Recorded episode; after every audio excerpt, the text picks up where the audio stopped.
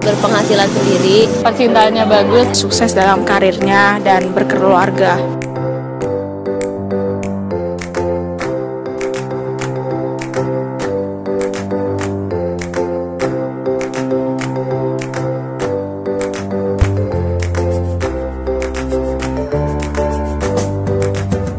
Uh, mungkin kalau untuk zaman sekarang sih kayaknya yang udah berpenghasilan sendiri terus juga uh, bahagia sukses itu yang akademiknya bagus karirnya bagus terus uh, percintaannya bagus keluarganya bagus sukses dalam karirnya dan berkeluarga dia punya hmm, punya niat yang harus terrealisasi. Jadi wanita yang sukses itu adalah ketika seorang wanita itu bisa bermanfaat buat orang lain dan dia menjadi seorang yang akhirnya menjadi permata buat ya kehidupan bangsa ini.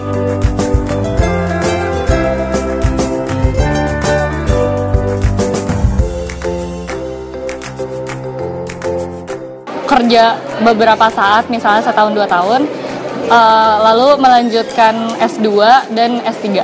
Jadi HRD di suatu perusahaan gitu. Terus mau ngambil S2 juga buat ngambil psikolog. Ingin kerja dulu sih, tapi nggak kerja di luar. Ingin kerja yang bisa kerja sambil di rumah gitu sambil ngurus anak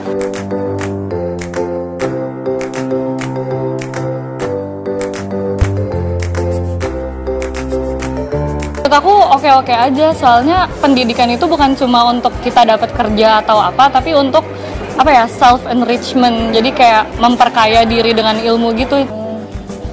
Nggak apa-apa sih kalau menurut aku tapi berarti it, uh, semua tanggungannya itu suaminya sudah apa ya sudah bisa uh, memenuhi. Hmm, ya nggak apa-apa sih. Soalnya kan uh, sebenarnya menjadi ibu pun itu juga butuh butuh butuh ilmu gitu loh. Jadi kalau misal ilmu yang selama ini diterapkan ke keluarga nggak ada salahnya nggak harus kerja di luar gitu.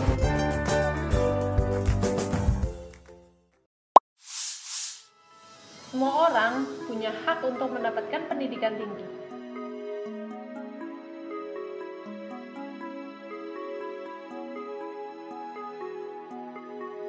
Gelar yang tercantum di akhir nama kita pastinya bangga dong didapat karena berharap akan mendapatkan karir dan kesuksesan yang diidam-idamkan.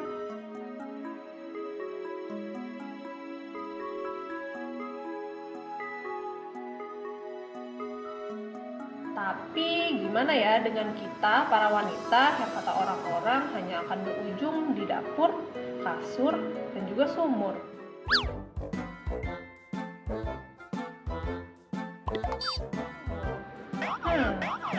Harus ngurus suami, anak-anak, dan rumah tangga. Jadi, apakah pendidikan tinggi yang kita dapat sia-sia kalau ujung-ujungnya di rumah aja?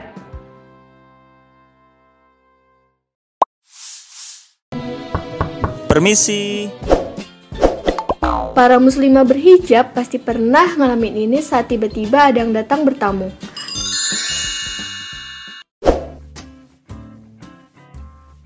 Kegiatan di luar rumah pun gak kalah ribetnya.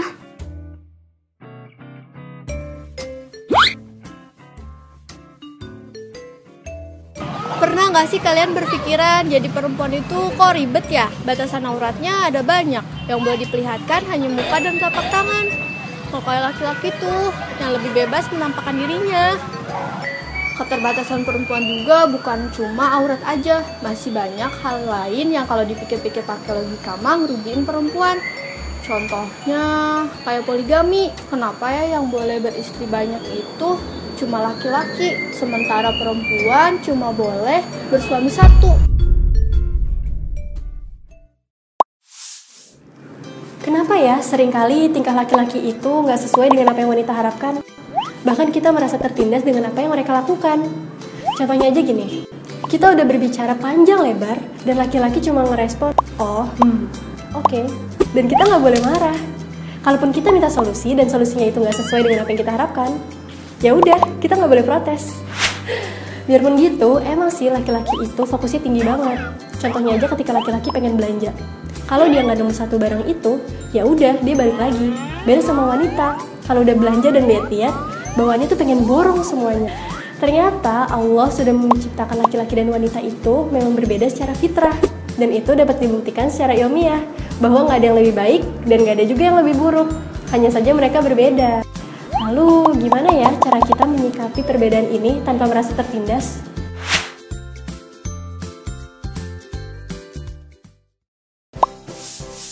Assalamualaikum warahmatullahi wabarakatuh. Teman-teman sekalian, dunia sudah berubah dan perubahan yang paling besar adalah bahwa perempuan muslimah sekarang memainkan sebuah peranan yang sangat penting dalam kebangkitan Islam.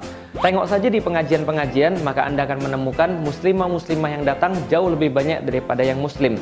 Karena itulah orang-orang yang tidak suka kepada Islam, mereka mencoba untuk menghancurkan Islam dengan menghancurkan muslimah-muslimahnya. Dengan cara apa? Mereka ingin menstigmatisasi bahwa Islam itu menghinakan wanita, bahwa Islam itu merendahkan wanita dan menyulitkan wanita sehingga menjadi penyebab bias gender bagi wanita. Oleh karena itulah saya dan tim dakwah hijab alila membuat satu buku yang berjudul Wanita Berkarir Surga yang insya Allah akan menjadi kontribusi dan menjadi jawaban, menjadi penguat bahwa Islam adalah agama yang memberikan kebaikan bagi wanita, memberikan penghormatan bagi wanita, yang memberikan ketinggian juga bagi wanita. Assalamualaikum warahmatullahi wabarakatuh.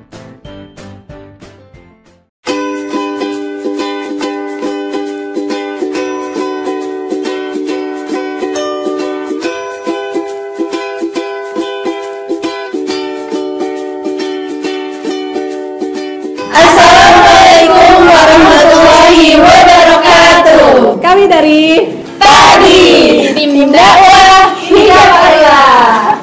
Halo Falila. Eh, Kita mau ngapain sih? Enggak.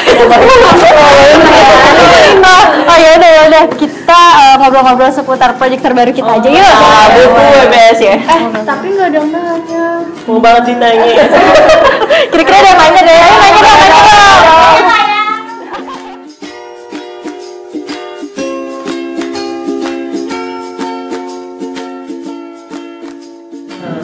Apa tuh? Siapa yang mau jawab? Siapa? Siapa? Siapa? Oke, jadi tujuan kita bikin buku insya Allah ini uh, dalam rangka dakwah ya. Cuma uh, kali ini kita bikin karya dalam bentuk yang beda gitu. Karena selama ini kan gerak dakwahnya Hijab Alila itu cuma lewat sosial media aja kan. Nah, uh-uh.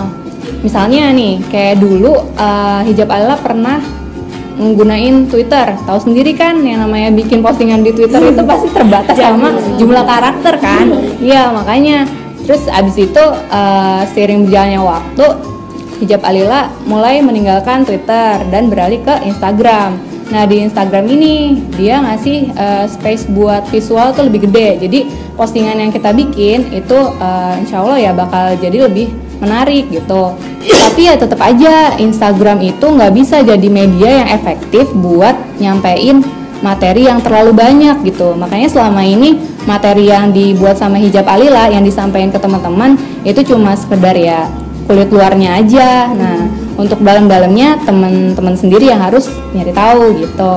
Nah betul tuh keterbatasan medsos membuat informasi yang bisa kita sampaikan juga jadi terbatas. Padahal belajar ilmu agama tuh ya gak bisa setengah-setengah, apalagi seperempat seperempat kan. Nah, berawal dari ajakan Ustadz Felis yang mengarahkan kita untuk bikin buku biar masalah yang kita angkat tuh bisa dijelaskan dengan lebih lebih detail gitu kan. Ya kita juga sadar buku itu emang nggak bisa digantikan dengan apa pun bahkan dengan internet sekalipun kayak ada feel yang beda gitu ketika kita baca buku sama ketika kita baca di internet gitu. Ya namanya juga bikin buku, kita jadi harus mengkaji lebih dalam tentang masalah yang kita angkat kan. Nah tapi justru itu yang bikin kita jadi semangat. Kita jadi harus belajar lebih banyak lagi sebelum akhirnya disampaikan ke teman-teman yang lain. Nah, eh, alasan lainnya kenapa kita bisa semangat untuk menulis ya tuh aku pernah dengar satu pepatah yang keren banget sih menurut aku ini kan? Eh, bunyinya kayak gini nih. Jadi eh, misalnya jika kamu ingin melihat dunia maka membacalah gitu. Tetapi ketika kamu ingin dilihat oleh dunia maka menulislah kayak gitu. Eh, nah alhamdulillah teman-teman di sini punya semangat yang tinggi bagaimana kita bisa eh, bermanfaat gitu bagi umat. Nah salah satunya adalah dengan eh, kita masuk dalam dunia dakwah ini Insya Allah dengan adanya media buku ini, niat, semangat dan pemikiran teman-teman yang ada di sini bisa tersalurkan, nggak hanya dilihat oleh dunia ya, Iya. tapi juga bisa menginspirasi yang lainnya. Amin.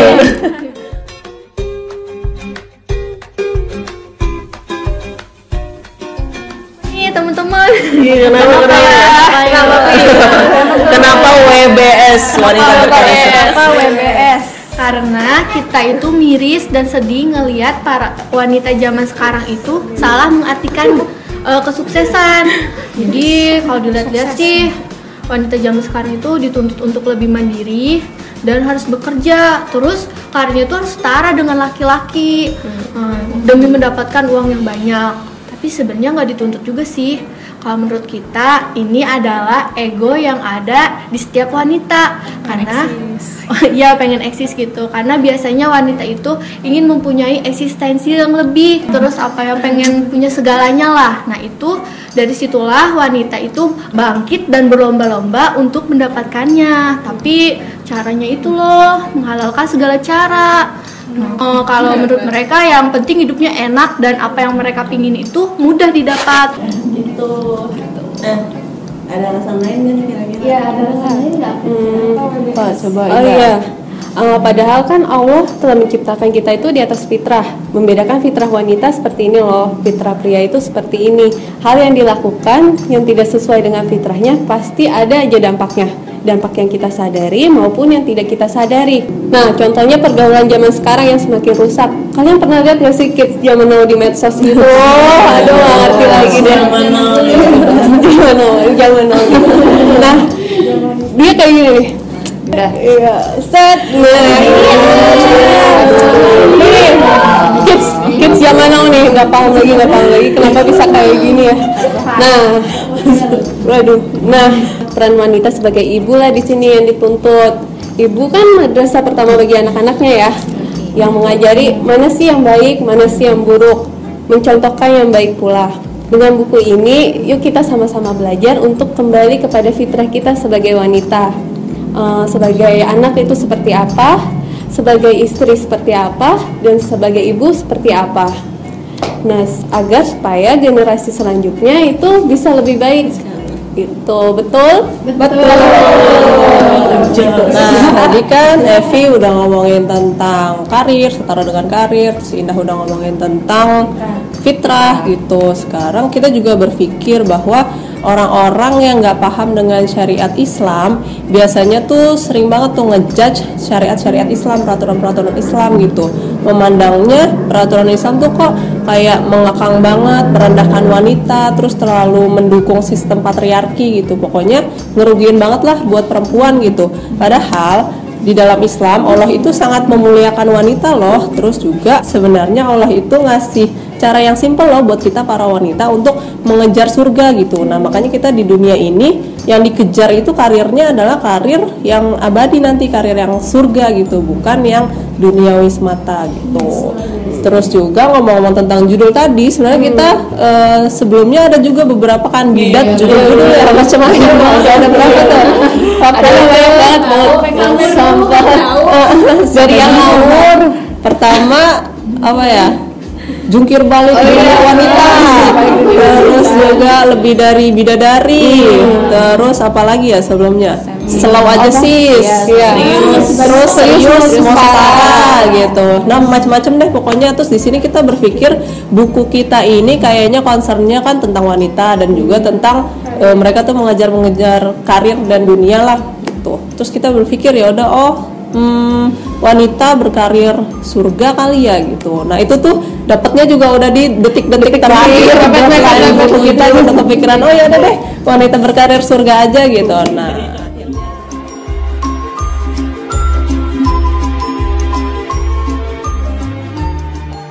yang menarik nih. Ayo siapa? Apa nih? Aku, oke. Pengalaman menarik proses pembuatan buku ini sih yang paling berasa ya pas lagi proses pembuatan buku itu eh, semangatnya kita. Jadi uh, fluktuatif gitu semangatnya kita dari awal yang benar-benar maksimal sampai tinggi banget maksimalnya. Eh, apa semangatnya habis itu turun terus naik lagi turun lagi naik lagi eh, turun sampai minus nah, terus di keadaan semangat yang paling down ini yang minus ini itu kita bahkan sampai merasa ah kayaknya buku kita nggak bakal jadi nih. Aduh uh, waktunya molor terus nih. Kita deadline-nya selalu overtime. Terus di semangat kita yang lagi down-down ini nih uh, Ustaz Felix ngingetin kembali uh, kita itu bikin buku tujuannya tuh bukan cuma sekedar ngejar deadline. Kita itu ingin meluruskan uh, kekeliruan dan stereotip terhadap peran wanita. Kita ingin menyadarkan peran wanita sesuai fitrahnya sebagaimana Islam memuliakannya. Kayak gitu ya. Jadi tujuan kita bikin project buku ini ya memang untuk dakwah. Di luar sana tuh banyak banget orang yang bikin project yang asik-asik. Tapi ternyata dampaknya justru merusak umat loh. Dan yang jadi korbannya tuh ya kayak kita kita gini nih cewek-cewek yang kebanyakan yang jadi korbannya gitu. Dan yang kayak mereka tuh menjamur banyak banget. Semangat semangat mereka tuh nggak putus Nah sedangkan kita, kita udah jelas materinya baik, tujuan kita baik, terus kita mau nyerah gini aja. Udah di tengah jalan udah nanggung, jadi kita harus semangat. Pokoknya paling nggak selesaikan dulu pekerja eh apa project kita ini. Ya, gitu. Akhirnya setelah dapat motivasi itu, semangat kita increase, naik lagi terus terus sampai akhirnya alhamdulillah buku kita kelar juga. Eh, jadi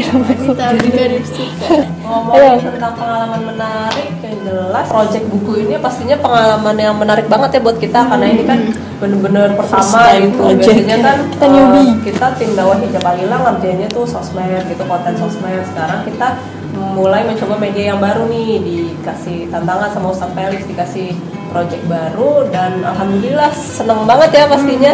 Karena kan yang kita tahu selama ini buku-bukunya Ustadz Felix itu kan um, booming banget ya apalagi uh, uh, apalagi kalau udah uh, nge-guide Mbak Benefico atau Mbak Linda sebagai visualisnya. Jadinya bukunya kece banget. Udah bukunya bukunya You berhijab terus bukunya udah putusin aja. Itu kan bener-bener kontennya kaya dan juga visualisnya sangat menarik untuk buat anak-anak muda gitu. Nggak bikin bosan ya? Uh, betul banget. Jadi materi-materi Islam itu uh, enak gitu buat ditangkap. Nah, berangkat dari buku-buku tersebut kita juga banyak belajar nih referensi-referensinya seperti apa sih bis, uh, buku visualis dakwah yang baik dan menarik gitu.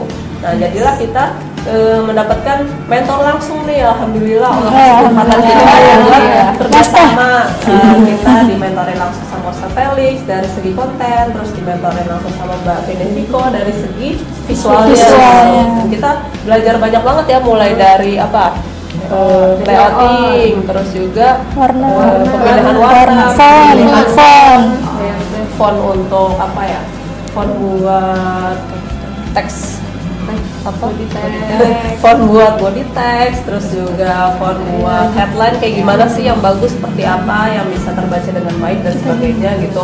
Semua ilmu ilmunya ya alhamdulillah kita dapetin dari eh, Mbak Benefiko dan juga Ustaz Felix nah dari situ ya kita jadi banyak belajar ya. Oh gini tuh eh, bicara bikin buku. kayak gini gitu. Pembabakan materinya kayak gimana habis itu per bab itu kita bikin visualnya masing-masing dan semuanya harus menjadi satu kesatuan visual yang harmonis.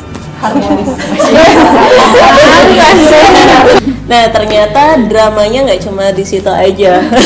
Masih banyak pengalaman menarik. Contohnya kayak kita bikin komik. Nah di dalam buku ini kan juga ada komik tentang Omo Alila, tentang kehidupan Omo Alila.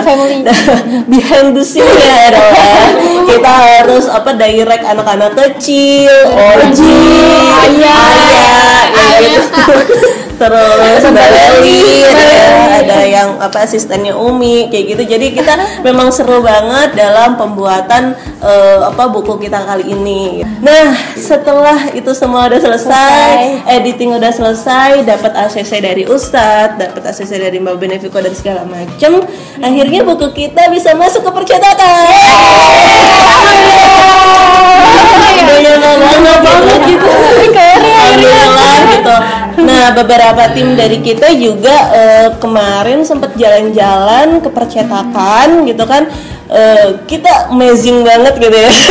Kita excited plus norak sih lebih norak gitu kan. Karena gede-gede baru baru pertama kali masuk percetakan. Di situ lihat mesin percetakan yang gede-gede banget tumpukan buku yang banyak kertas segala macem.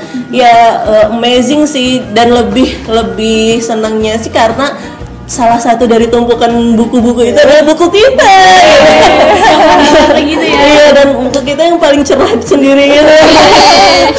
Paling eye catching paling eye catching nah eh, kemarin cetakan pertama alhamdulillah kita mas eh, kita cetak 5000 eksemplar. Dan lebih eh, enggak nyangkanya lagi bahwa eh, animo teman-teman Lovalila itu sangat besar sekali. Sehingga dalam satu buku eh satu bulan 5000 eksem- eksemplar tadi sold out. Alhamdulillah. Nah, doain eh, sekarang lagi proses cetak eh, cetakan yang kedua ya. Nah, semoga lancar dan semoga eh, antusias dan animo para love Alila tetap tinggi pada buku Wanita Berkarir Surga ini. Amin. Amin. Nah, buat kamu yang ingin beli buku Wanita Berkarir Surga, hubungi distributor Alila Good terdekatmu dan hubungi kontak person di bawah ini. Di bawah ini.